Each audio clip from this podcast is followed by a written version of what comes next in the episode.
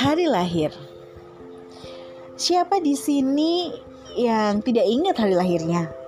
Pasti setiap orang mengingat hari lahirnya, tidak terkecuali aku. Lahir di Panti Nirmala Surabaya pada tanggal 3 Agustus 1983. Lahir di siang hari.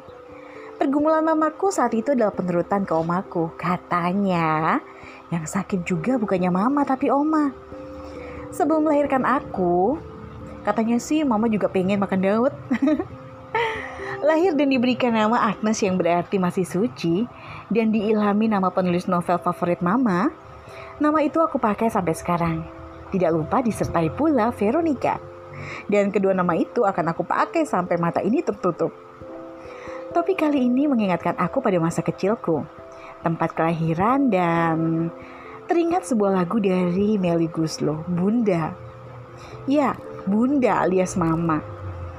Mama adalah orang yang sangat-sangat berjasa untuk kita. Benar kan?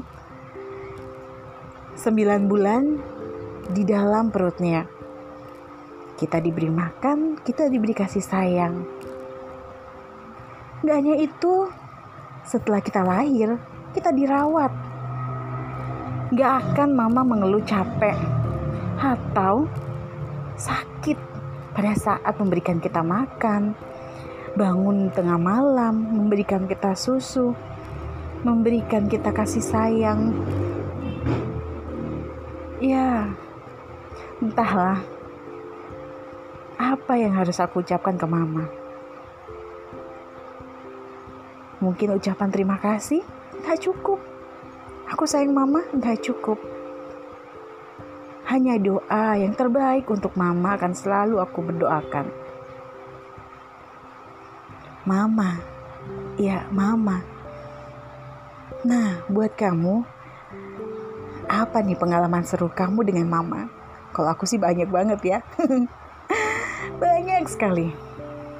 Oh iya, kembali ke topik kita nih.